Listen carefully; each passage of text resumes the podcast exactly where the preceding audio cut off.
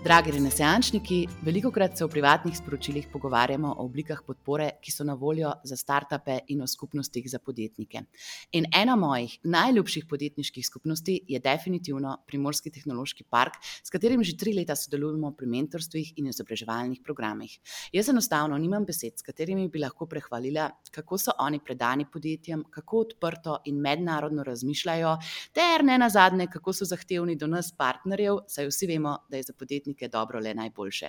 In točno zato je z nami danes prvi mož primorske startup skupnosti, Mitja Mikuš, ki bi ga mnogi opisali tudi kot srce startup ekosistema v regiji. Mitja že 11 let koordinira razvoj podjetniške skupnosti in danes nam bo zaupal, kje so priložnosti za vse, ki se podajate po tej poti. Na sveti pa definitivno niso aplikativni le za podjetnike iz primorske regije, ampak za vse, ki želite spoznati naš startup ekosistem. Pa začnimo. Mitja, srčno dobrodošel. Živijo in lepo zdrav tebi in vsem obstajem, ki nas danes poslušajo. Mislim, danes. ja, vrhunsko, vse danes, oni danes poslušajo. Ej, pa da te mičke ne ogrejemo, imam za te vprašanje, ki ga nisem še nikoli vprašala. In parkrat si mi že namignil, da tako le poslušaš naš podcast, tudi Renesanso. Kje je do zdaj tvoja najljubša epizoda? Ja, ja zdaj kot, uh, vod, kot nek, da moram reči, vodja startup skupnosti, moram definitivno reči, da vsi tisti, ki so. Uh, Ki si jih posnela s podjetniki iz naše skupnosti, Tle, uh, Andrej Peršolja, ne, Skobija, pa um, pa, Mal, uh, pa Malner, pa Inobox, uh, seveda, te so najboljši. to, to, to, bravo, Urož Valentina smo tudi imeli, to je bilo sicer že dve ja, leti nazaj. Ja, vidiš tudi, ja, za dve leti, ja. Ja, oni so tudi takšen fulluškan projektič. Ampak ne, meni je tudi fulj zanimivo.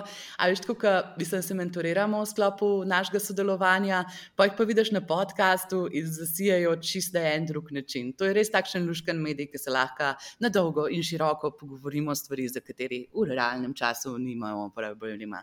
Uh, tako da, ful, ful, ful, ful, ful luškano mislim, da je tole potekalo. Zdaj pa sem vod zapakirala še en bombonček in sicer vsak teden jaz dobim toliko vprašanj od podjetnikov, pa tudi bodočih podjetnikov, pa se ne vejo, kam obrniti in kje iskati pomoč pri razvoju svoje podjetniške ideje. A bi nam lahko ti, Mitja, kot nekdo, ki ima zelo celovit pregled nad instrumenti podpore za podjetnike, malo razjasnil pojme, kaj vse obstaja v Sloveniji, na kaj moramo biti pozorni, če začenjamo s podjetništvom? Hmm. Ja, Definitivno, mislim, jaz prihajam iz tega okolja in zakaj verjamem v to, kar delamo, ne, je to, da pač na tej te podjetniški poti, na kateri se podajajo podjetniki, uh, predvsem tisti, ki so, da moramo reči, first time podjetniki, uh, je zelo, zelo, zelo priporočljivo, da pač najdejo nek krog ljudi. Uh, se pravi, uh, ena stvar je, sigurno, najti neko skupnost. Um, to je to, to, to, ni, to ni tako lahko primerljivo. Ne? Če pa gremo prav na neke programe, ne? tle pa mislim, da uh, vsak, ki se loti podjetništva, oziroma uh, nima nekih že preteklih ogromnih izkušenj, um, rabi novo, dodatno svežo znanje in povezave. In tle pač v Sloveniji uh, preko vseh inkubatorjev in uh, tehnoloških parkov. Um, lahko prideš prvi vrsti, kar meni je najbolj pomembno, kar mislim, da je najbolj pomembno, so mentori. In zato um, je tam, je, je vsak, ki, je v, v, ki se tega loti, pač naj v svoji regiji, najbližje sebe, poišče uh, inkubator, tehnološki park in naj uh, se proba vključiti in vidi, kakšne so možnosti, da, da dobi nekega mentorja. Vse v mentorstvu možemo bolj kaj več rekli, kako in kaj, ampak uh, m, tle je res uh, zelo pomembno. Poleg tega so itak uh, inkubatorji, tehnološki parki, um, no, imajo vsak svoj program, različno oblikovan, uh, in tam dobiš delavnice, kjer ti dopolni, uh, kjer, kjer dobiš do vsega znanja. No, tudi, um, tle, Tle bo takoj prišel stik z SEO razpisom, SEO programom. Zdaj, za, za, za vse podjetnike je to ja, pač nek SEO, kaj je to. Mi, ki s tem delamo, vemo, in ti verjetno tudi ne, vemo, kaj je to. To je razpis, ki je glavni v državi, preko katerega država financira uh, delovanje tehnoloških parkov in uh, inkubatorjev.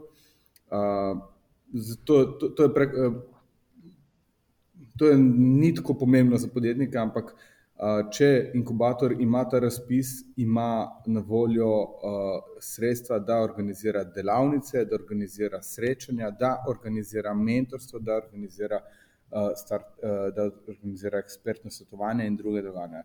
In to je res neka full, full fine država, da nas podpira na tak način, zaradi tega, ker um, ta razpis nam omogoča, da delamo delavnice.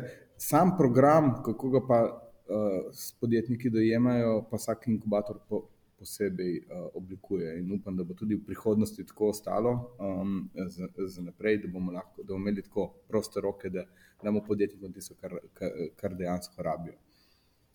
Um, kaj, uh, kaj je ta podpora? Um, definitivno, kako ne, mogoče um, za podjetnike, za tiste, uh, je pomembna ta informacija, da um, teh inkubatorjev je preko 20 v, uh, v regiji, ne?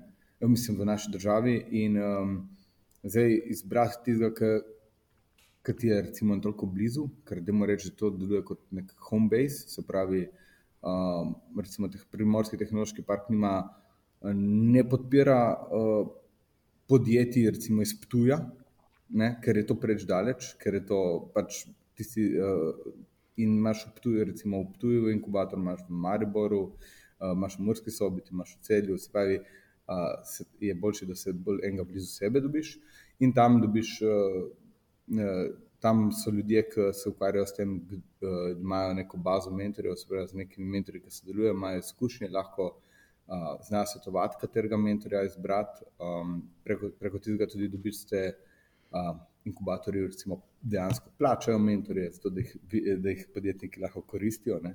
kar je v začetku verjetno zelo pomembno, uh, kar je zelo pomembno v začet, začetnih fazah um, nekega podjetja. Um, Seveda, delavnice, programe in skupnost, kot sem povedal, večinoma vsak inkubator to želi delati. Ne? Kaj še uh, obstaja v Sloveniji, uh, slovenski podjetniški sklad um, v Mariboru, Oni vsako leto uh, ta zelo glasni razpis P2 uh, eh, ponujejo. Uh, to je tista podpora, ki verjetno, če imaš, če si že na poti in če se že razvija pravo, pravo smer, uh, je definitivno tja zaid, ker pač sredstva, uh, prva z nepovratna sredstva pred kakšnimi koli investicijami ali kakšnim koli drugim načinom financiranja rasti podjetja je tisto dobrodošlo. A so lahko mogoče specifična? Se pravi, mislim, da je bilo včasih 70 tisoč evrov za gonske podpore na P2, zdaj 50, a kako je, kako so zdaj te spremembe? Ne, ne 54 je odvedno. Aha, ok. Uh, Mal se spremenjajo pogoji, uh, mal se spremenjajo, koliko um, časih je bilo to, da si mogel v treh letih si dobil ta sredstva, različno, zdaj je, mislim, da skoraj v letu in pol dobiš vsa sredstva v treh tranšah. Um, Je pa to načeloma namenjeno podjetjem, ki imajo potencial rasti, se pravi, pa, da grejo na, na, na tuje trge, saj na tuje trge. Ne? In seveda, seveda, mora biti to podjetje, mora biti to že e, en zaposlen, se pravi, ni to za idejnike, bi se reklo, oziroma za stvari, za projekte, ki so še v prezgodni fazi. To je za, moš nekaj, kot pri vsakem razvoju startupa imamo čas, ko imamo idejo, imamo čas, ko pravimo postaviti nekaj na trg, imamo čas, ko uh, že prodajamo. Ne, uh, se pravi, že, že smo dosegli prve uspehe, že lahko rečemo, da imamo nekaj, nekaj kar funkcionira v rokah, no, za tisto fazo je. Ne. Vse, kar je prej, je domača naloga, ki jo mora podjetnik opraviti in se znajti uh, sam. Ne, tako bi se rekel, sam, oziroma lahko se vključi v kakšen inkubator in tam vsaj znanjem pomaga.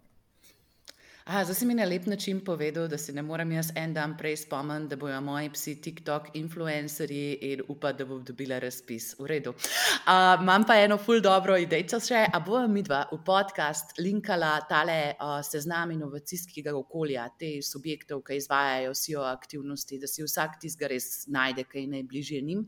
Um, pa tudi, mislim, tako za vidika vožnje se meni zdi to, mislim, primerno, k delavnice pa teh srečanj z mentorji, včasih tudi, tudi živo, pa ne vem, no, ne boš se glih iz Maribora v Koper vozil, če povem po domač. Definitivno je temu tako. Je res, da mm, kar, mislim, ne, predvsem poznam, recimo, da vse, vse, vse, vse sijote. Mi pravimo, kar sijo ti subjekti inovativnega okolja, ne, vse inkubatorje. In, in vsi se trudijo um, delati, rast, uh, razvijati programe, um, smo pa zelo različni med sabo.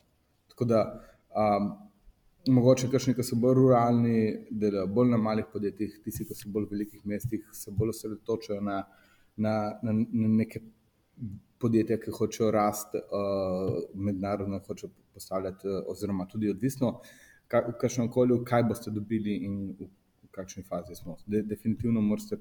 Preveriti, podjetnik mora preveriti, ali mu to fita ali ne. Uh, um, pa videti, kaj lahko dobi v nekem, uh, nekem inkubatorju in uh, kaj mu lahko da. Različni smo vsi v različnih fazah. Ja, to si tudi dobro povedal, ker se mi zdi, da se še te mikrospecializacije razvijajo. Kot imate vi, naprimer, veliko prehranskih podjetij, ki delajo, um, kako se reče, temu artizansko hrano, bolj pa premium hrano z višjo dodano vrednostjo. Um, to je pač nekaj, kar verjetno izhaja iz vaših naravnih danosti, bi si človek predstavljal. Tako da, ja, včasih pa pride enostavno do ene kopičenja znanja, zaradi tega, ker je par uspešnih podjetij že bilo na takšen način. Pa ne zdaj, da to je ekskluzivno, ampak jaz vedno rečem, da si malo pogledati, kje vrste podjetja so tam, pač vsaj veste, kje vrste znanja lahko dobite, pa s kom se lahko tam povežete. Tako da ja, to je pa ta mogoče še skupnostni aspekt tega, kako se mhm. ta znanje čisto naravno razvija. Um, ja, uh, definitivno je tako. Pri nas je kar nekaj prehranskih, ampak uh, prehranskih startupov, se pravi, tam ne, nekaj znanja je tam, uh, je pa de, definitivno, da se mi ne, kot primorski zoološki park, se ne omejujemo na neko, na neko specializacijo. Zaenkrat je programi so strukturirani tako, da v bistvu smo tudi fruti izrečiti. Uh, dokler govorimo o podjetju, ki je v prvem letu delovanja, um, pač se mora naučiti nekih uh, osnovnih logik razmišljanja, uh, kako se uh, razvije, se pravi, kako se razvije, razvija startup, kako, kaj mora vedeti in na tem delamo. Uh, jaz temu rečem, ne ukvarjamo se s startupi, ki bojo šli po milijonske uh, uh, investicije samo, ampak da mu rečem. Um, Iščemo podjetja, ki bodo zrasla do te, do te mere, da bojo vsaj zaposlovala. In to nam da neko dovolj veliko širino, da v enem letu vključimo približno 16 nekih, ne morem reči, par gor, par dol, um, podjetij, mladih podjetij, tudi nekaj projektov. Um, in iz tega bomo sigurno dva, mogoče dva dobili taka, ki boste imeli potencial biti pravi startup, uh, ostalih uh, sedem, osem bo naredilo dobro podjetje, ki bo zaposlovalo, bo bolj mogoče regionalno uh, usmerjeno, oziroma uh, bo preživelo dlje časa in bo ustvarjalo dodano vrednost v našem okolju. Uh, ostali bodo pa verjetno ugotovili, da ali ni poslovne priložnosti, ali da to ni za njih, ali tako naprej. In neka taka statistika se vleče, se vleče naprej. Da, Življenje se zgodi. Mhm. Ja, Zdaj bom pa jaz povedala, če te ne moti, Veš, kaj bi red, rada povedala, fenomen prešoli? ja, treh prešoli. Tri, tri so že, o moj bog, jaz sam dva poznam, enega mi moraš še uh, predstaviti pol. Ne, mislim, kaj bi en pri Primorskem tehnološkem parku, ko se bo zdaj pač nekaj bolj osredotočila še na to. Um, res mi je fenomenalno, zaradi tega, ker sta dva top eksperta prvs, mislim, vsaj dva, ne se imate pa še te fante slušalki, pa šti boš to več povedal. Ampak ja, jaz intenzivno sodelujem z Matejem Pršoljo, ki ima Karlok, pa je vrhunski na Amazonu, res za hardware, za elektronske naprave naprave, boljšega si ne bi mogli želeti z vidika tega mentoriranja. Pa, pa Andrej Pršolja je pa v zadnjem letu blazno napredoval čez ta case, ki so ga na Kobiju naredili na positioning in je paratu spontani preklic za positioning. Jaz sem imela zanj primer v skupini, če nekaj vprašal o positioning, mislim, da ga je tam deset ljudi um, tegalo spodaj. Tako da, da vem, kdo je tretji Pršolja, ampak kaj meni fascinantno prvenstveno je, da je par zelo močnih superstarjev, ki tudi ogromen brač vračajo nazaj v okolje. Pa, če bi nam ti zdaj lahko povedal, tako s svojimi besedami, kako ste prišli do tega primorski tehnološki park, da je ta raven povezanosti, pa res, mislim, jaz ne znam vseh močnih imen navesti, ampak sigurno jih znaš ti. ja, zdaj, z, ja, na, na, na, v bistvu. Skupnost, ne? to je skupnost, in uh, ki je ta zelo glasna, treba narediti skupnost. Zdaj, um, Fun fact je bil, te, mislim, zgodba za tem je tako, da v bistvu uh, 2012, ko smo, uh, ko je Tanja, naša direktorica, prevzela, prej je bila, moja, prej, prej, prej bila iz vrst sodelavcev, ne, pačna, in v bistvu smo bili na tem, da, da tehnološki park ni delal nič, nič, nič posebnega, nobene dodane vrednosti za podjetnike in tudi v tako um, ni imel neke perspektive. No. Uh, in takrat je bilo ali zdaj nekaj naredimo, ali, ali ne bo nič iz tega. Ne? In uh, dejansko smo uh, se začeli uh, izobraževati, tle, pač jaz in Tanja, v uh, takrat v Hekovniku, pr, uh, prvi start-up šoli v Sloveniji. Um, uh, in uh, pač začeli ugotavljati, kaj lahko sploh mi, kako lahko sploh mi podjetnikom pomagamo. Ne? In uh, ja, nekako skoča, uh, v tistem prvem letu smo ugotovili, da več kot tega, da nudimo nek uh, dostop do sodobnega znanja in povezav, ne moremo. Ne. In uh, takrat, v bistvu, uh, 2013 je potem um, tudi Matej Pršolja uh, uh, se nekako priključil, pa še nekaj drugih podjetnikov, te lokalnih mladih, ki so. Uh, ki so, so znali, so vedeli za startup, uh, kaj je startup takrat, in tako naprej. Uh, In v bistvu smo naše programe začeli oblikovati kako, tako kot, um, kot, nek, um, kot nek startup. V bistvu smo začeli odkrivati, kdo so kupci, kdo so tista podjetja, ki so seveda naredili ogromno napak. Začeli se ukvarjati prvo z nekimi startup vikendi, pa smo začeli ugotavljati, da um, bi lahko imeli kakšne biznis meetupe, se pravi, da prenašamo znanje. Onanem, uh, ampak cel čas je bila ta mantra, da je narediti skupnost. Uh, v bistvu, no, ja, lepo se sliši, ampak noben ni dosti, ki dosti vedel, kako to delati in kako, kako se tega lotiti. Sploh, um, pa je nekje, prišl, nekje sem prebral quote, uh, ki mislim, da ga vse čas zasledujem, je ta empower each other to help each other.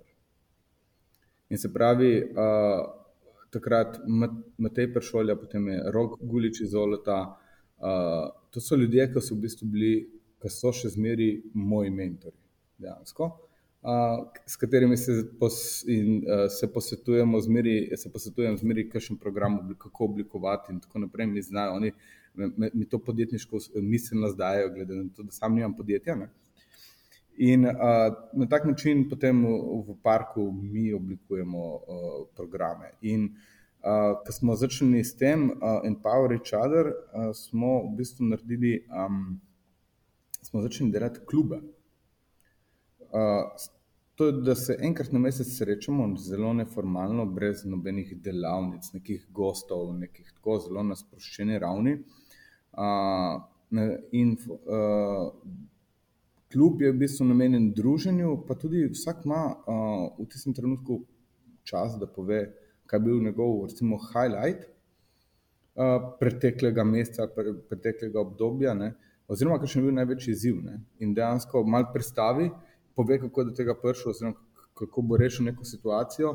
In v bistvu uh, ostali podjetniki z znanjem mu povejo, jaz poznam Munga, jaz sem imel pa to izkušnjo in uh, dejansko s tem druženjem na temo, uh, na temo podjetništva ne, um, je, se, se oblikuje ta skupnost, ki dejansko uh, si potem uh, uh, pomaga in uh, tudi naše programe, kot je akademija, kot je mentorstvo, kot, je, kot, je, kot so delavnice, če se le da, pravimo črpati od njih. In uh, kar, mi, kar tudi se kaže, da podjetniki iz skupnosti, ki mentorirajo, ki prenašajo na bolj junior, junior podjetnike znanja, uh, ki jih prosim, naredi to predavanje, pa naredi na tak način, pa se pogovorimo, to dejansko tudi njihovi rasti pomaga. In uh, se začne. Se začne oblikovati ta skupnost ljudi, ki se poznajo, ki se družijo, ki si delijo znanje, ki se pomagajo, ki prvič pomagajo tem, ker vemo, da v podjetništvu zmeri pride do težkih trenutkov, težkih odločitev. Ne? In takrat, da imaš ljudi, ki jih pokličeš, ki sem podjetnik, razume pravi pain od podjetnika, ne? je to ful pomembna zadeva. Um, tako da ta skupnost, ki si pomaga en drugemu res lepo deluje. No. Res, um, to sem tudi ponosen. Recimo, vem, vrhunec začetka poletja se mi zdel, vsaj za me, je ta, da um, ni v naši organizaciji nič se zgodilo, ampak uh, uh, Urošojc uh, je, je dal predlog, naredimo piknik. Ne. Na katerega si tudi ti prišla. uh, to je bilo dobro, dober piknik. Jaz še nikoli nisem tako dobro jedla na pikniku. Zdaj vse moja gorenska posluša o tem, kakšen catering naredite na primorskem. No, samo, meni je to fascinantno, da je to bila čisto spontana zadeva. Uh, jaz sem samo mail poslal kot informacijo, da bo to ne, in ni bilo nič v organizaciji, ampak ta skupnost se je zbrala na kupu uh, nekih 25 eh, ljudi z družinami, uh, uh, so se začeli dru, so se družili, družili za en popoldne. Uh, um, vse, vsi so bili pa, pač uh, skupni imenovali, so bili podjetniki, start-up, uh, karkoli. Ne, da se to vznikne, ne, skupnost, ne, skupnost ne vodiš, ne zgradiš. Ne moramo reči, da smo. Mislim, Nerodna, neroden izraz, da rečemo, da smo v Primorskem tehnološkem parku izgradili uh, uh, skupnost, ampak boljši bi bilo, da rečemo, da smo omogočili, da je ta skupnost vzniknila. Zdaj nekako smo mi enako vreden del te skupnosti, oziroma uh, samo povezujemo zadeve. Facilitacija. Ne, meni ja. to, kar si zdaj le povedal, je pa tako noro, zaradi tega, ker rečemo skupnost, da imamo narediti nekaj na skupnosti. Kaj je oddaljala večina ljudi, pač naredila bo nek meetup, neko pasivno obliko tam interakcije in potem dala na mizo pivo, da bajo pol še networking. In to so pač res te stvari, ki, lej, Jaz, kot ekstrovert, bom tam naredila networking, ampak moji programerski kolegi ga pa po večini ne bojo, zaradi tega, ker je pač tako neugodno in tam, hej, živijo, jaz sem pa to, pa to, kaj pa ti delaš. Uh, tako da, ja, večkrat več sistema, mičkrat več sistematizacije je ful pomembna stvar, ki si jo povedal. Pa pa še ena stvar, ki sem te zdaj le poslušala, ki mi je blazno, blazno, blazno švigalna ven, je pa to reševanje problemov oziroma ta odprta platforma za komunikacijo, ki včasih rabiš tok mal in tam lahko, ne vem, zabiješ ure in ure, da brskaš po internetu in si glavo pač razbijaš s temi vprašanji. Nekdo ti bo pa to povedal tako le, zaradi tega, ker je že prej to rešil. In klej si lahko res ogromen živcev, ogromen časa, pa mentalne energije, hraniš, kaj ja, vsi smo, mislim, v isti zgodbi, vsi smo spočamo z zelo podobnimi problemi, pa tudi če ni direktnih sogovornikov, nekoga se pa lepo zna. Ne? Tako da ta. Povezovalni efekt skupnosti mi je bil tudi ena tako močna stvar, ki sem jo reflektirala zdaj le. Še, še, v teh klubih smo še eno stvar uh, se, se spomnili. Ne, da, um, lahko tudi nekdo najavi izziv. Ne. Hekaton. Uh, ja, recimo, ne vem, uh, nekdo je imel zalansirati nov produkt ven. Ne, in, uh. -huh. seveda, ko lansiraš produkt, imaš celo strategijo, kaj boš naredil po 150, 300, 400. In um, pač je najavil, jaz bom lansiral nov produkt, bi rabo vaše, vaše feedbacke. Ne, in je pripravil PowerPoint, razložil vse na, na tabli, vse povedal strategijo, kako bo delal. In potem pač več glav, več ve, vsi so dali svoje mnenje, ene Ne? In tako je dobil, recimo, dosti materijala za gledati naprej, dosti mnen, dosti uno, in lahko pač tisto še izboljšal, oziroma prilagodil, pa karkoli naredil s tem, ampak so bili res taki, um, res taki dobri klubi in dobra srečanja, kjer se človek res ogromno nauči. No. Sigurno. Ne, pa tudi včasih, ko rešuješ probleme nekoga drugega, dobiš pogled tudi za lastne stvari. Vse pač ja, valjda z veseljem pomagaš, ampak to je ena taka ful lepa oblika kolektivnega učenja, če si odprt na te stvari. Ja, in vse prav iz tega je. Um, Prav iz tega smo potem uh, tudi recimo, način predavanj, ki ga imamo na delavnicah, iz tega ven povlekli. Ne. A, to je to, kar mi ne pustiš imeti slajdov cele tri ure. Tako, tako, tako točno to. Točno to. Se ne bi hotla. ne, točno to. Um, delavnice, tako ti se, mi imamo delavnice znanja, pa recimo v akademiji, vse delavnice, ki se dogajajo, pa blizu, ne glede v kakšnem programu smo, uh, nočemo, da so, nočemo, da so predavanja, kjer ti prideš in tri ure poslušaš nekoga, ki na nekih slajdih in na nekih primerih dela. Ne. In jaz temu rečem ena na ena skupinsko svetovanje. Kaj se gre, da prve pol ure, eno uro, valjda predavatelj oziroma podjetnik, ki predava neko temo, pove teorijo, logiko, kaj bi bilo. Ne. Potem pa um, udeleženci enega po enega, ki jih po naši praksi ne sme biti več kot 12, ne, dejansko izove, aha, kaj pa v vašem podjetju delate na, na, na, na to temo. Ne. In um, to, da v bistvu se ti kot predavateljica recimo ukvarjaš z, z, z nekim primerom in da se vidva komunicirata, ostali pa poslušajo in seveda dodajo še njihovo, ne, je to, je, je to, in potem to slišiš 12krat, ne, ne, ne, kot temu na 12 različnih primerov, če ti potem ni jasno vse o, o, o tej tematiki, ne, je, je to hočemo. Ne. Zato rečem, ena na ena skupinsko svetovanje. Ja, je, ja, da še ta grup efekt. Ne, se ja. tako, veš, iz vidika dela je to, po mojem, najzahtevnejša oblika. Zaradi tega, ker switchati moraš, content switchati moraš skozi, um, potem pač moraš itak si vsako podjetje prej orang pogledati, da se pogovor ne začne s tem, kaj pa vi delate, kdo ste in kaj delate.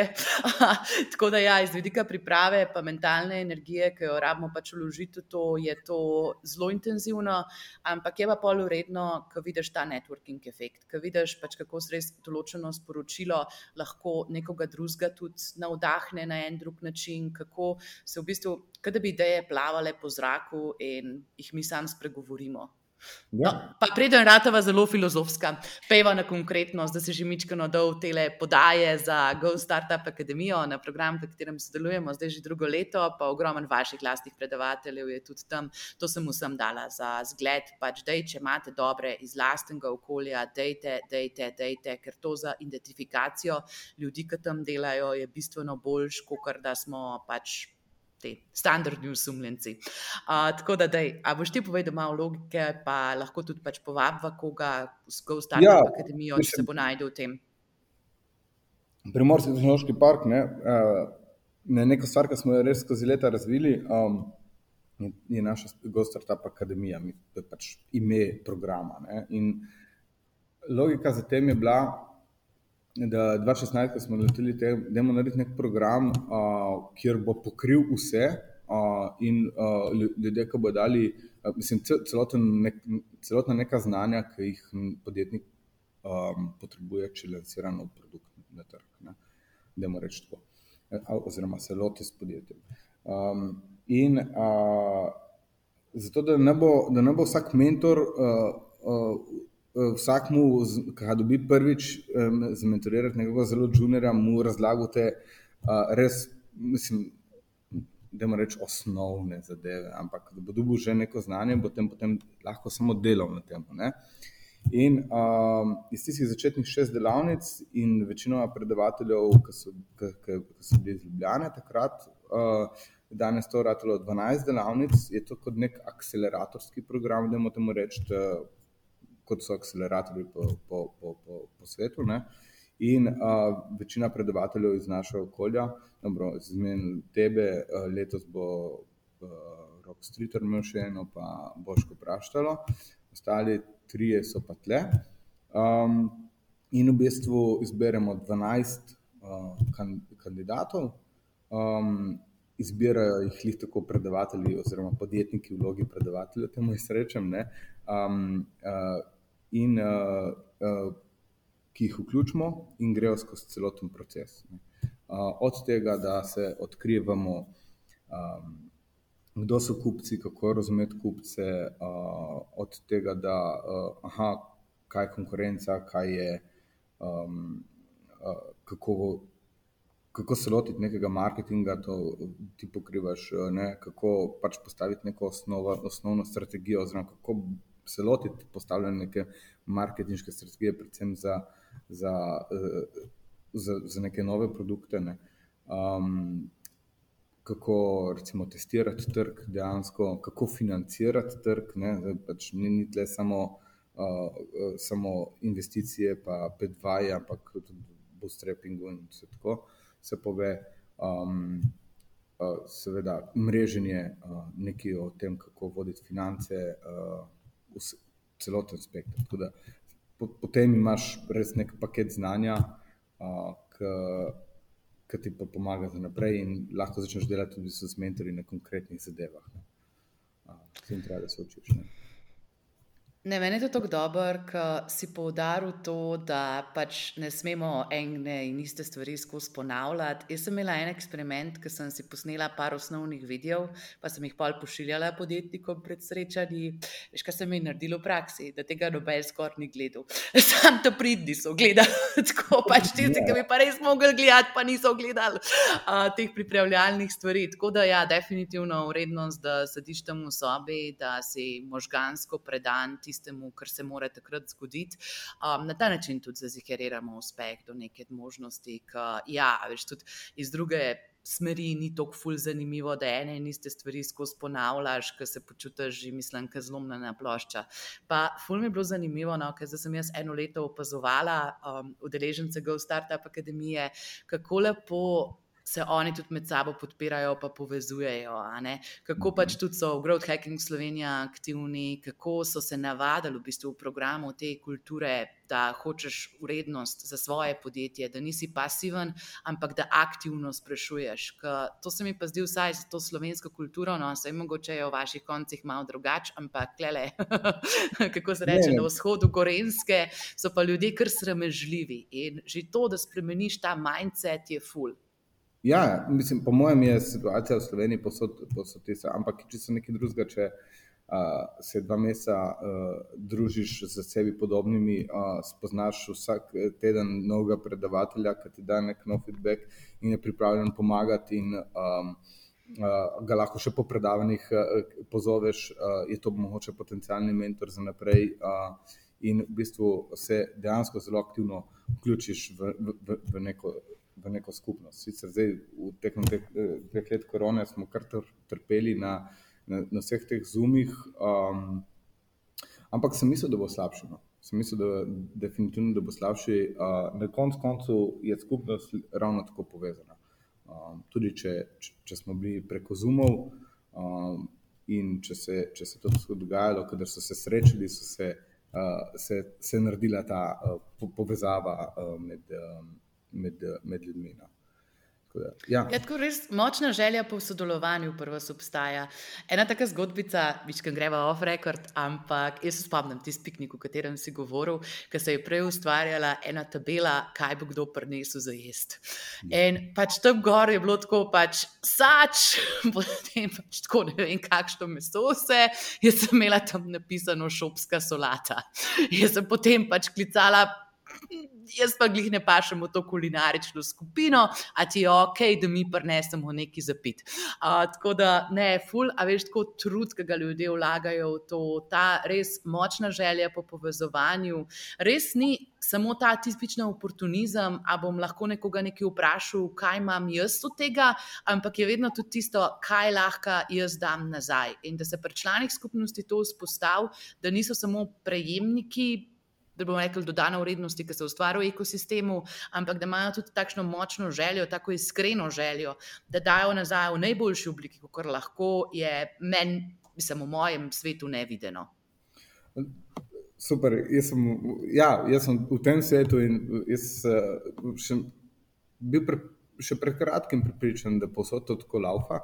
Zato, ker pač tle se nekako kar neki, stalno neki družimo, uh, stalno neki, neka kosila, gre, uh, vsak petek gremo na kosilo z, z Matejem in z, z, z Rokom, recimo, tudi res je dosti tega, no, um, tega, tega spontanega druženja, zelo je fajn, tako v tem smislu. No. Um, Tudi ja, uh, in ta naša akademija je zdaj že sedmo leto, um, kako bi se rekel, neka vstopna točka v, v, v to, da se. Aha, da začneš na tak način razmišljati. Vsi, sedem generacij v bistvu se je že tle zamenjalo, seveda na začetku uh, so bili, uh, kako bi se ti bi rekla retention, ne, oziroma bi rekli retention je bil slabši. Ne, uh, celo, vse vemo zakaj, ne, ampak uh, zdaj, zdaj, kar, zdaj ljudje zelo, podjetniki zelo, mislim, po enem letu so še skoraj vsi, so, vsi, ki so bili lanski akademiji, še vedno nekako prisotni v teh krogih. Ne. Sej, um, tudi, sej tudi to, um, moče, um, moče poslušalci ne vejo, ne, uh, načeloma tehnološki parki in inkubatorji v Sloveniji so brezplačni za podjetnike. Ne. Se pravi, njihove storitve so in tudi tako je primorski tehnološki park. V bistvu vse storitve, ki jih, ki jih dobiste tukaj um, pri nas, recimo, uh, so za vas brezplačne, zato ker naš poslovni model, če, če tako pogledamo skozi podjetniške, ne, vidik je ta, da uh, jaz imam dve sodelovki, ki se prijavljajo samo na razpise. Zato, da lahko dobimo razpise kot SEO in še še, še, še, še drugi, ne, da, da pač financiramo lahko delovanje parka. Uh, in, uh, ste, in po drugi strani sem tu jaz, pa še kakšen moj sodelavec, oziroma sodelavka, ki delamo na programih in v bistvu uh, probamo oblikovati programe tako, da so za podjetnike čim bolj. To, to, je naš, to je naš poslovni model. Zato je nekako. Je, je brezplačno za, za, za zaključitev, in kar sem hotel se navezati na tisto prej, jaz zmeri rečem, Lej, uh, za vas je brezplačno, vendar edina stvar, ki zahtevamo od vas, je, da ste aktivni člani skupnosti. Se pravi, uh, Primorski tehnološki park, ne uh, Goriška regija, ne, ne bo imela nič od tega, da vas vključimo. Pa pridete na par delavnic, pa koristite mentorje, pa potem greste domov in tam razvijate vaše, vaše podjetje, še posebno, če niste iz Gorice. Um, ne, uh, Fule je fajn, če pridete in če, ste, če se udeležujete klubov, um, biznis meetupov, um, mrežen, uh, delavnic, vsega. Tem, to, to pomeni tudi, da, ste, da se povezujete z ostalimi. Ne. In uh, potem se, to, se začne to valiti in dogajati. Um, zdaj, uh, deluje, mislim, to je tista cena, ki jo moraš plačati, zato, da, si, da si tle. Zdaj, zato je pa tudi zelo težko, recimo, vem, da bi mi vključili nekoga iz Maribora ali pa iz celja, ki se ne bo verjetno za. Zato, da pride uh, se podružiti uh, na klub in povedati, ker so bili njegovi highlighti, se nam bo vozil dve uri. Ja, razumljeno. Pa tudi ta več to izpoint, ki si ga že na začetku izpostavil, da obstaja pač lokalna mreža, da vsak pač ima nekoga v bližini, da ni neben prekrajšan, da pač ne more dobiti teh storitev. To mi je zelo, zelo, zelo, zelo, zelo, zelo všeč, zelo mi je zanimivo. Mogoče Mitja pa takole, ki malo. Poznaš vse te pravila. Um, a bi lahko, prosim, še povedal, da minimus, um, kako se, mislim, kako podpore pripada podjetjem? Mislim, Uh, v, v, zdaj, v kakšnem de minimis je evropsko, eh, mhm. de minimis je pač evropsko pravilo, velja v Sloveniji, ne velja za vse razpise, za nekatere pač, ki pač piše, da, da podpora iz tega razpisa, iz teh sredstev pade v de minimis. Se pravi, pet dva, recimo, je ta de minimis, pa vse, kar boste dobili preko. Preko tehnološkega parka, spaj mentor, se to vam pade pod deminimis. To dejansko pomeni to, da en, da vsako podjetje v Evropski uniji, zelo, tako sem povedal, ne, dobi lahko 200 tisoč evrov podpore, uh, ali so to gre za, za denar, kako je pet dva, ki dobiš dejansko denar za delovanje, ali, um, ali gre to v obliki mentorstva, ekspertnega svetovanja na, na tri leta. Pravi, in to si mora voditi vsako podjetje, to si mora vsako podjetje voditi samo, Ni to neke baze, da, nek, da neka institucija zdaj tle vodi, vodi tle. Da se mora vsako podjetje voditi samo. Da v, let, da v roku treh let ni nikjer, nikoli čez 200 tisoč evrov podpore. Recimo, to je tako. Zdaj, koliko pa vsak dobi podpore, ki pride recimo, v tehnološki park, ja, to je zelo različno, odvisno od tega, kako je vsak tehnološki park, inkubator ima sredstva na voljo, kakšne razpise ima. In koliko v končni fazi, recimo pri tem SEO razpisu, koliko, je, koliko sredstev iz tam je on na začetku prijavil, da jih bo ponudil, porabil, in, um, in potem ima na voljo neki, nek, nek, nek denar, neka sredstva, da, da to preko različnih aktivnosti kanalizira v, v podjetniško skupnost. Ej, hvala za to. Mene je to zelo zanimivo. No. Jaz tudi, preden smo se mi začeli to pogovarjati, uh, nisem vedela za to. Um, mi pa je zanimivo iz tega, veš, da ful podjetij sploh ne ve, kakšni podporo vse ponujamo in tudi ta podcast, danes, ki ga snemamo. Um, se mi zdi, da je takšen korak naprej v smislu zavedanja kaj vse obstaja, pa pol bom pa rekla v naslednji fazi, sem pa drznila to reči, kritičnega razmisleka, kaj je za nekoga primerno, pa kaj si tudi ti pripravljen investirati noter, predvsem tukaj mislim čas, pa aktivno participacijo, ne samo pač tako, da se, mislim, prijavljamo kot dve verice, ki gledajo v reščke na vse stvari, pa pol ne pridemo. Ja, ja, ja. To, to, to, to je zelo pomembno, da se zavedate, da tisti, ki se prijavite na eno delavnico, pa potem se prijavite samo zato, da, boste, da boste imeli tam zagotovljeno mesto, pa boste se pa še odločili, če boste šli. A, to res ni dobro delati, no. ker na drugi strani so ljudje, ki to se trudijo organizirati in ker so to stvari brezplačne, to pomeni, da dejansko niso brezplačne. Mi tle, recimo, če organiziramo delavnico, pa ne pride dovolj veliko število ljudi, pa imamo problem, ker uh, za tisto delavnico, tudi če predavatelja moramo plačati, ne, um, ne bomo dobili uh, sredstev povrnjenih uh, iz, od razpisodajalca. Tako da uh, to, da se prijavite, um, tisto je vaša zaveza, da pol tja greste. Ne uh, ker s tem, da greste, plačate to zadevo. No, tako dejansko tako. Zdaj, če, če, lahko, uh, kaj, v bistvu nisem strukturirano še povedal, kaj dejansko lahko nekdo dobi. Um, jaz lahko povem na mojem primeru, uh, na našem primeru. V različnih inkubatorjih imajo različne, različne, različne programe, ampak v bistvu, če začnemo tako, ne, da kot šolsko leto 1. septembra ne, se, imamo zmeri prijave v, v to našo akademijo. Ne, en mesec trajajo prijave in potem pač izbor, in uh, s 1. oktobrom nekje je začetek uh, našega tega pro, dvomesečnega programa. Um, potem, uh, uh, ker uh, s tem se neka začne neka, neka vključenost v, recimo, v tehnološki park, v inkubiranje. Dejansko si inkubiran lahko v, pri nas 5-6 let, uh, s tem, da prvo leto je pač neko obdobje pred inkubiranjem, mi rečemo. S tem se začne. In, um, in po, po akademiji takoj dobiš mentorja, uh, zunanjega mentorja, ne notranjega, uh, se pravi, pravimo poiskati nekega podjetnika, um, ki ti bo pomagal pri za tistih ne, prvih 100 jurjev, recimo. Uh, oziroma, te bo vodil v nekem procesu, različno, v kateri fazi si, in dobiš 20 ur z njim. Um, potem pa imamo še, recimo, v, v ta uh, program akademije niso vključeni ti novoglasni piči, ki, ki posod ponujemo, kako narediti svoj pič. Ne. Pa nas je to malo ločeno tam februarja, um, sklopenih štirih delavnic. To je zaradi tega ločeno, zaradi tega, ker uh, jaz mislim, da. Imamo investitorski pič, imamo prodajni pič, imamo milijon teh pičov. Ne? Ampak, če mi pogledamo, če en podjetnik trdno verjamem v tako, da uh, če znaš razložiti zakomplicirano zadevo na enostaven način, da jo razume kdorkoli, uh, potem dejansko razumeš, kaj delaš, če ne. ne um, in dejansko uh, je ta proces ful pomemben, zato da uh, ker pride do, do, do, do veliko aha momentov uh, v tem procesu. Uh, tle, tle veliko sodelujemo z Rokom Sritorjem, pa Blažom Zupanom, pa uh, še, še ostalimi. Um, in grejo vsi skozi ta proces, aha, kako povedati svojo idejo, uh, svojo poslovno priložnost, ki je catch, zakaj se tega grejo.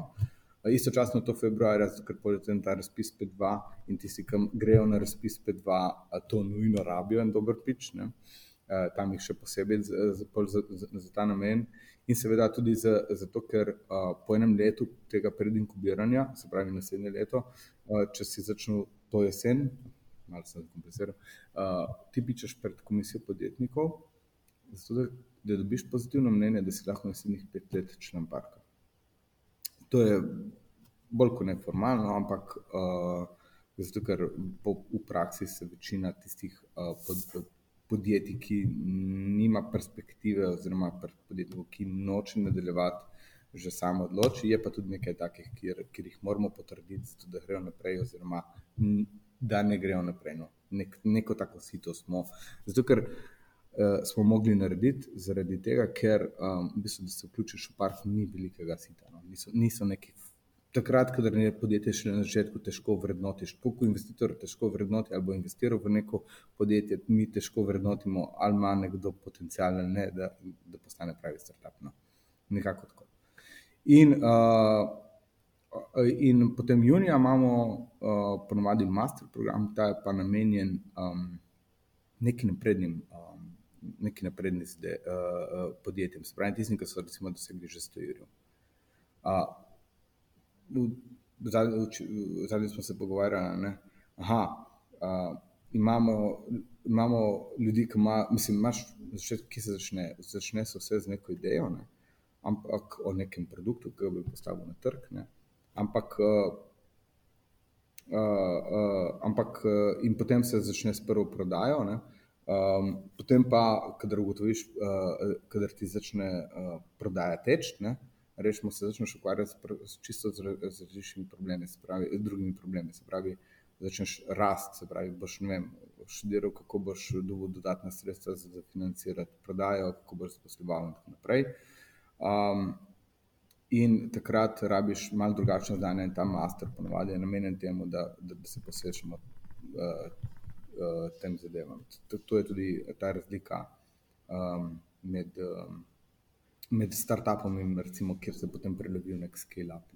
Če bi lahko opisal tiste tipične stvari, tiste tipične lastnosti, ki jih ti vidiš pri podjetnikih, kaj dela dobre podjetnike, kje so skupne stvari? Najbolj pomembna stvar uh, je attitude oziroma ambicija.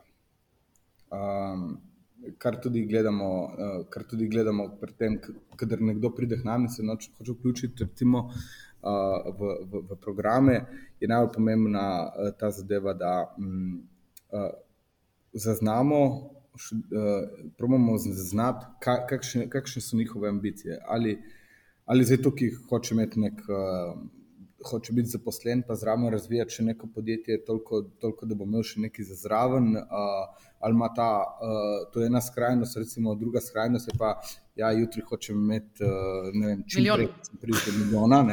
Um, kar je milijon, je super motivacija, ok, pa moraš gledati še druge, na kakšen način on to zaznava, ampak. Uh, uh, ja, uh, kaj, kaj si želi, attitude. To, jaz mislim, da attitude ne, in pravi, in, in neka druga stvar, ki je odprta za neko novo znanje. Jaz temu pravim, mogoče ta naroden izraz ponižnost, ampak s tem hočem povedati, da um, okay, jaz ne vem nič. V osnovi, oziroma ne, da ne vem nič, ampak izhajam iz dejstva, da ne vem nič in da hočem dobiti nove poglede, ki jih bom evolviral in ugotavljal, kaj deluje za moj primer in ne. Uh, Seveda, ne da ne veš nič, ne pomeni, da se daješ v nič uh, in da si ne samo zavesten, ampak ok, uh, mogoče se motim, uh, zmeri s tem samo kritičnostjo hoditi noter in zmeri željo, aha, da jim povem, da bom dobil nek aha moment, želja po teh aha momentih.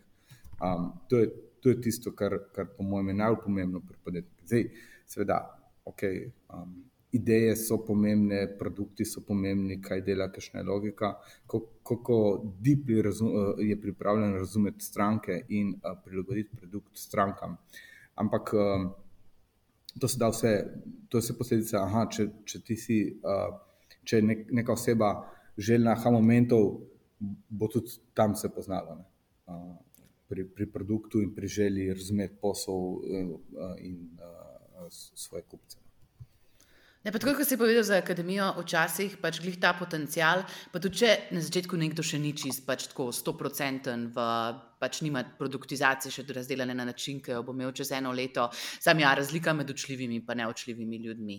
Sej se da popravljati mindset, sam je pa ful, ful, ful, ful, ful lažje učiti, kot popravljati mindset. Zato rabimo leta terapije včasih. Uh, tako da ja, tukaj le mislim, da je ful dober poudarek v tem, da si res lačen novih informacij, da si potrpežljiv do nasvetov, da kritično razmišljaš, ampak da si še vedno vljuden, da nimaš tako največjega ega na svetu svetu in pač pol točeš nazaj, pa delaš zdrahe tam, ki jih ne bi bilo treba. Tako je. Tako je. Top. The best. Ej, pa imamo pa naslednje vprašanje, ki je pa recesijsko usmerjeno. Pa oba dva sva, da sedeli že tako dolgo časa, da se spomnimo velikega buma uh, prehoda v podjetništvo leta 2008-2009, ko je prišel do prve finančne krize. Se pravi, takrat je bilo, mislim, podjetnikov, da bi smo jih kome prešteli. Vsak teden so bili kakšni novi na teh naših meetupih. Uh, tako da, ja, to je to. In zdaj, ki se je začel sešljati mečkano spet o tem, da se bo gospodarstvo ohlajalo, oziroma je to že vidno v nekaterih državah. A ste vi slučajen zaznali kakšen pospešeno zainteresiranost za podjetništvo, a pa nas še ni to. Mm, ma jaz mislim, da ne. Mislim, da bi okay. zdaj že bilo pri nas v, v ta, ta, takem smislu, kot je bilo takrat, ko so šli ljudje z nujo v podjetništvo, oziroma odprli SP, oziroma so se odločili, stanje takrat je bilo še. So izgubili službe, ampak so imeli še nekaj in bi radi nekaj ustvarili, ah, zdaj, zdaj pač nima drugega, zdaj bom pa nekaj ustvaril. Ne. Um, kot je bilo takrat, tega, tega še ni. Uh, je čutiti, vem, kar govorim s podjetniki, vse tisti, ki imajo na mednarodnih trgih, uh, govorijo, da je. Uh, Da prihaja, da je, da je že tle, v bistvu samo mi še tega ne, ne zaznamo. Teh, da bi se pa to poznalo pri novih ljudeh, pri zainteresiranosti za podjetništvo, oziroma mogoče še predtem, pred ko, ko je ta uh, bum, da boš imel nove podjetnike, je verjetno malo uno, vsi se pa malo strašijo, pa prej malo mal manj mogoče. Ne? Uh, ne, zdaj pa ne, zdaj pa ne, zdaj pa ne, pa pa, zgubi, pa, pa je res kriza, ker se zgubljajo delo, pa pa vsi ja. Um, Eh, ne, jaz tega še ne zaznavam. No. Saj, saj, Mogoče saj pa do nas pride z zamikom. Pa veš, kaj ste zdaj začeli razmišljati? Če je v bistvu obraten trend, to sem se pa pogovarjala um, v, na Gorenskem z enim akceleratorjem tam, je bil pa tako, da imajo oni pa mičken, mičken, mičken izziv, ker tam je pa praktično ničelna brezposelnost, pač res tako težko je ne imeti službe.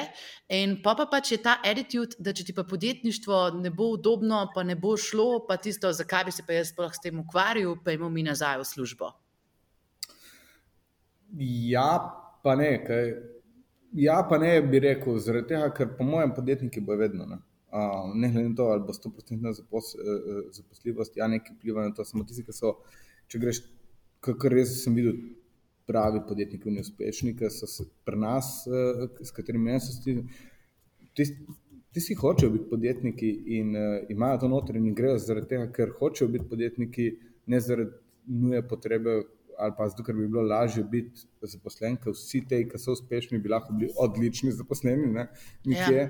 um, a pa ne, mindset. mindset ja, ja, a pa ne, mindset, ja, tudi ne, ampak če pogledamo po znanju, ne, in bi bilo lažje življenje. No, tako bo v tem smislu.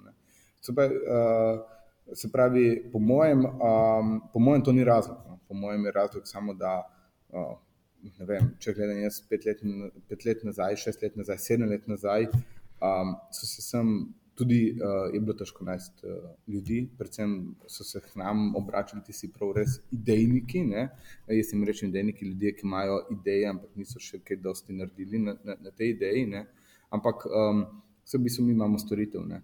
In pri storitvi je zaupanje ključnega, ključnega pomena. Ne? Zdaj ne vem, s katerim inkubatorjem to, ampak um, če nima uh, uh, pametni ljudje, ki so sposobni biti dobri uh, podjetniki bodo tudi zelo močno evalvirali, komu bojo šli in kje bojo vzeli podporo. In stvar je samo zaupanje, uh, stvar zaupanja oziroma renomeja. In uh, ne vem, uh, verjetno uh, je, je treba to delati dosti na tem, uh, da pač pritegneš uh, sposobne ljudi, ker jih je najtežje pritegniti. In to se ne da narediti čez noč. No.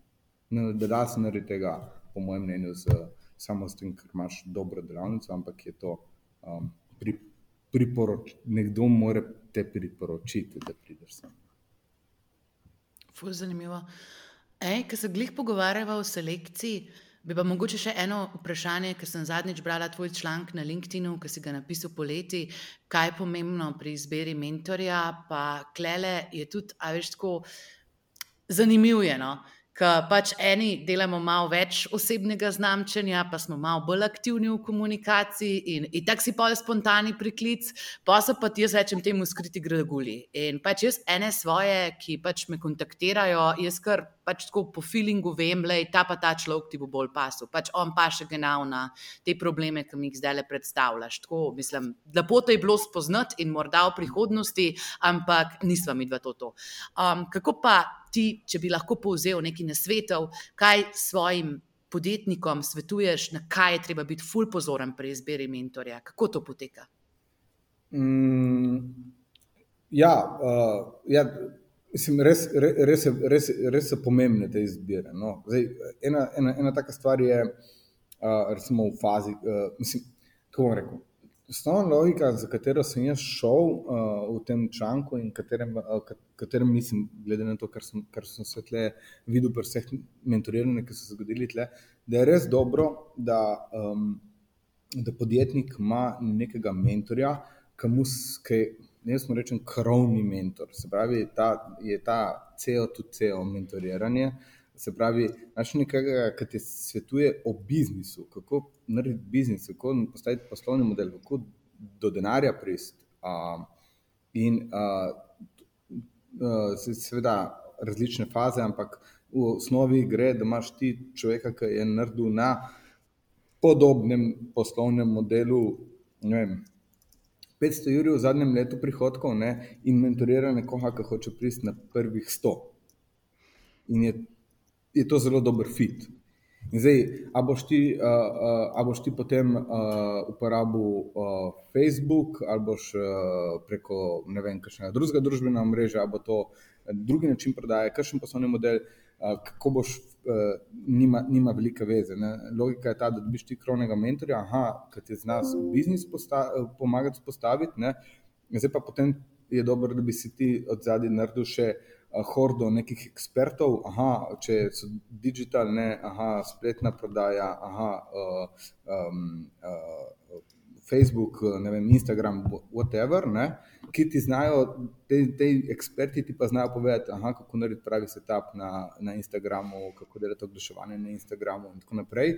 Seveda, tle pa obstaja neka hierarhija, ne, se pravi, um, s tistim, ki s krovnim mentorjem delaš, aha, ja, uh, bomo šli to smer, peljali ladjo, ne, uh, oni uh, eksperti pa uh, ne smeš jim dovoliti, oziroma izbereš samo tiste na svete, da ti ne rušijo krov, krovne strategije uh, rasti ja. podjetja. Ne. Neka taka logika se mi zdi zelo, uh, zelo pomembna. Zdaj, koga izbrati za, za pravega mentorja, odvisno v kakšni fazi si. Zdaj, če si zelo early, ne, si jih končal akademijo, pa, še, pa nisi šel skozi noben tak program, rabiš nekoga, ki ti bo znal procesno povedati, kako testirati trg, kako razumeti kupce, kako vse te stvari. A bolj, ko boš šel naprej v neki fazi razvoja podjetja, bolj boš šel um, bolj izkušenega, mogoče uh, nekega mentora, ki bolj fita na tvoj poslovni uh, uh, uh, model, bolj, ki ima točno z tega poslovnega modela neke izkušnje, ki je recimo iz panoge, ki ima poznanstva, ki ti odpira vrata in tako naprej. Uh, zdaj, ne, odvisno, kje si. Um, uh, in eksperte je tako. Ne? Zdaj, ne vem, verjetno, če, če, če si prodal nekaj preko Facebook oglaševanja, aha, reči bom delal boljši eh, Facebook, spavi si naučiš nekega, ki zna res dobro delati Facebook in te res nauči vseh trikov. Uh, bi rad testiral še vem, Instagram ali pa še vem, Google Ads, da bi šel nekoga pa testirati. TikTok, TikTok Ads. TikTok, recimo Ads. Ne? Pa testiraš tisti kanal, odkrivaš, če deluje, če fita na tvoj poslovni model, krovni in tako naprej. Ne? Uh, v neki tej logiki. In seveda tle je ful pomembna, um, saj s tem krovnim mentorjem, ki te res to je, je ta um, da, si, da, si, da, da imaš odnos, s, kater, s katerim lahko z njim, da lahko rečeš na pivo, in da ti ta mentor, seveda, uh, imaš lahko kritično debato o tem, kaj delaš, in ti daje mnenja, seveda, um, ti kot podjetnik imaš pa eno nalogo.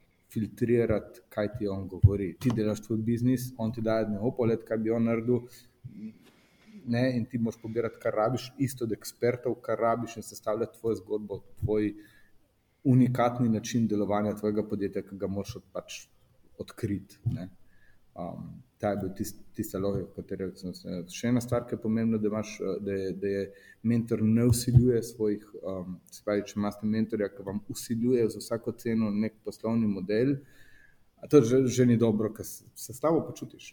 Um, tebi mora dati ogledalo in ti moraš biti pa sposoben um, um, narediti nekaj iz tega, no? narediti, narediti napredek. No? Oh, Mitja, kot v večini najnih pogovorov, smo se tudi tokrat malo zaklepetali.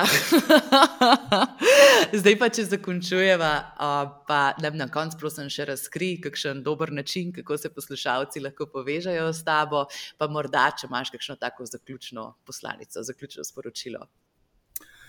Uh, ja, mislim, moji kontakti so na naši spletni strani, uh, moj mail vse dobiste tam. Uh, uh, na LinkedIn imam tudi vsak dan odprt LinkedIn. Um, verjetno se vam ne bom odzval, uh, če mi samo pošljete prošljo za povezavo, zato ker uh, meni, kot sem jaz gotovo, so odnosi v, v tem svetu vse. In um, če jaz samo dobim, in jaz za moje odnose in za moje kontakte skrbim, Um, tako da, če mi vi meni uh, pošljete samo uh, invitation na LinkedIn, da se povežemo, jaz vas ne poznam, ne vem, kdo ste in ne vem, kaj hočete od mene. Uh, zdaj, če vas dodam, bom imel samo enega človeka več na, na LinkedIn in ko bomo čez pet let vprašali, Maja, če poznam tega, bom rekel, ja, imam v kontaktih, ampak nimam pojma, kdo je, s tem si ne morem nič pomagati.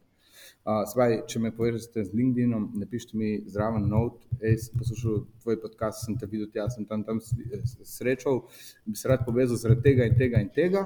Uh, in potem ja, začnemo neko komunikacijo. Tako sem vedel, čez pet let, ko bom vprašala Maja, ja, dej, uh, tam smo se spoznali, smo predebatirali, smo se slišali, spoznamo, te lahko povežem.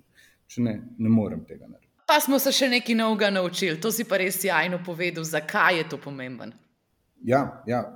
Uh, kadar ne uporabljamo LinkedIn za to, da prodajamo neke zadeve in da imamo samo stik do, do ljudi, ki smo jim kadarkoli stisnjeni roko, je to zelo pomembno, da si zapišemo vedno, kje, zakaj smo jim stisnjeni roko in kje smo jim stisnjeni roko. Tako bomo se lažje nazaj povezali z njimi, če bomo potrebovali. Če, ste, če imate mlado podjetje iz zahodne regije, uh, uh, zahodne kohezijske regije, skaj, juž, eh, zahodno od Ljubljane in uh, potrebujete kakšen koli na svet, uh, lahko mail, uh, pa bomo naredili na zumen klic, pa bomo videli, kaj lahko, kaj lahko, kako lahko sodelujemo.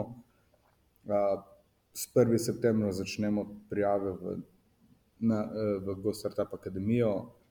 Tam lahko na naši spletni strani prečekirate, če vam to ustreza.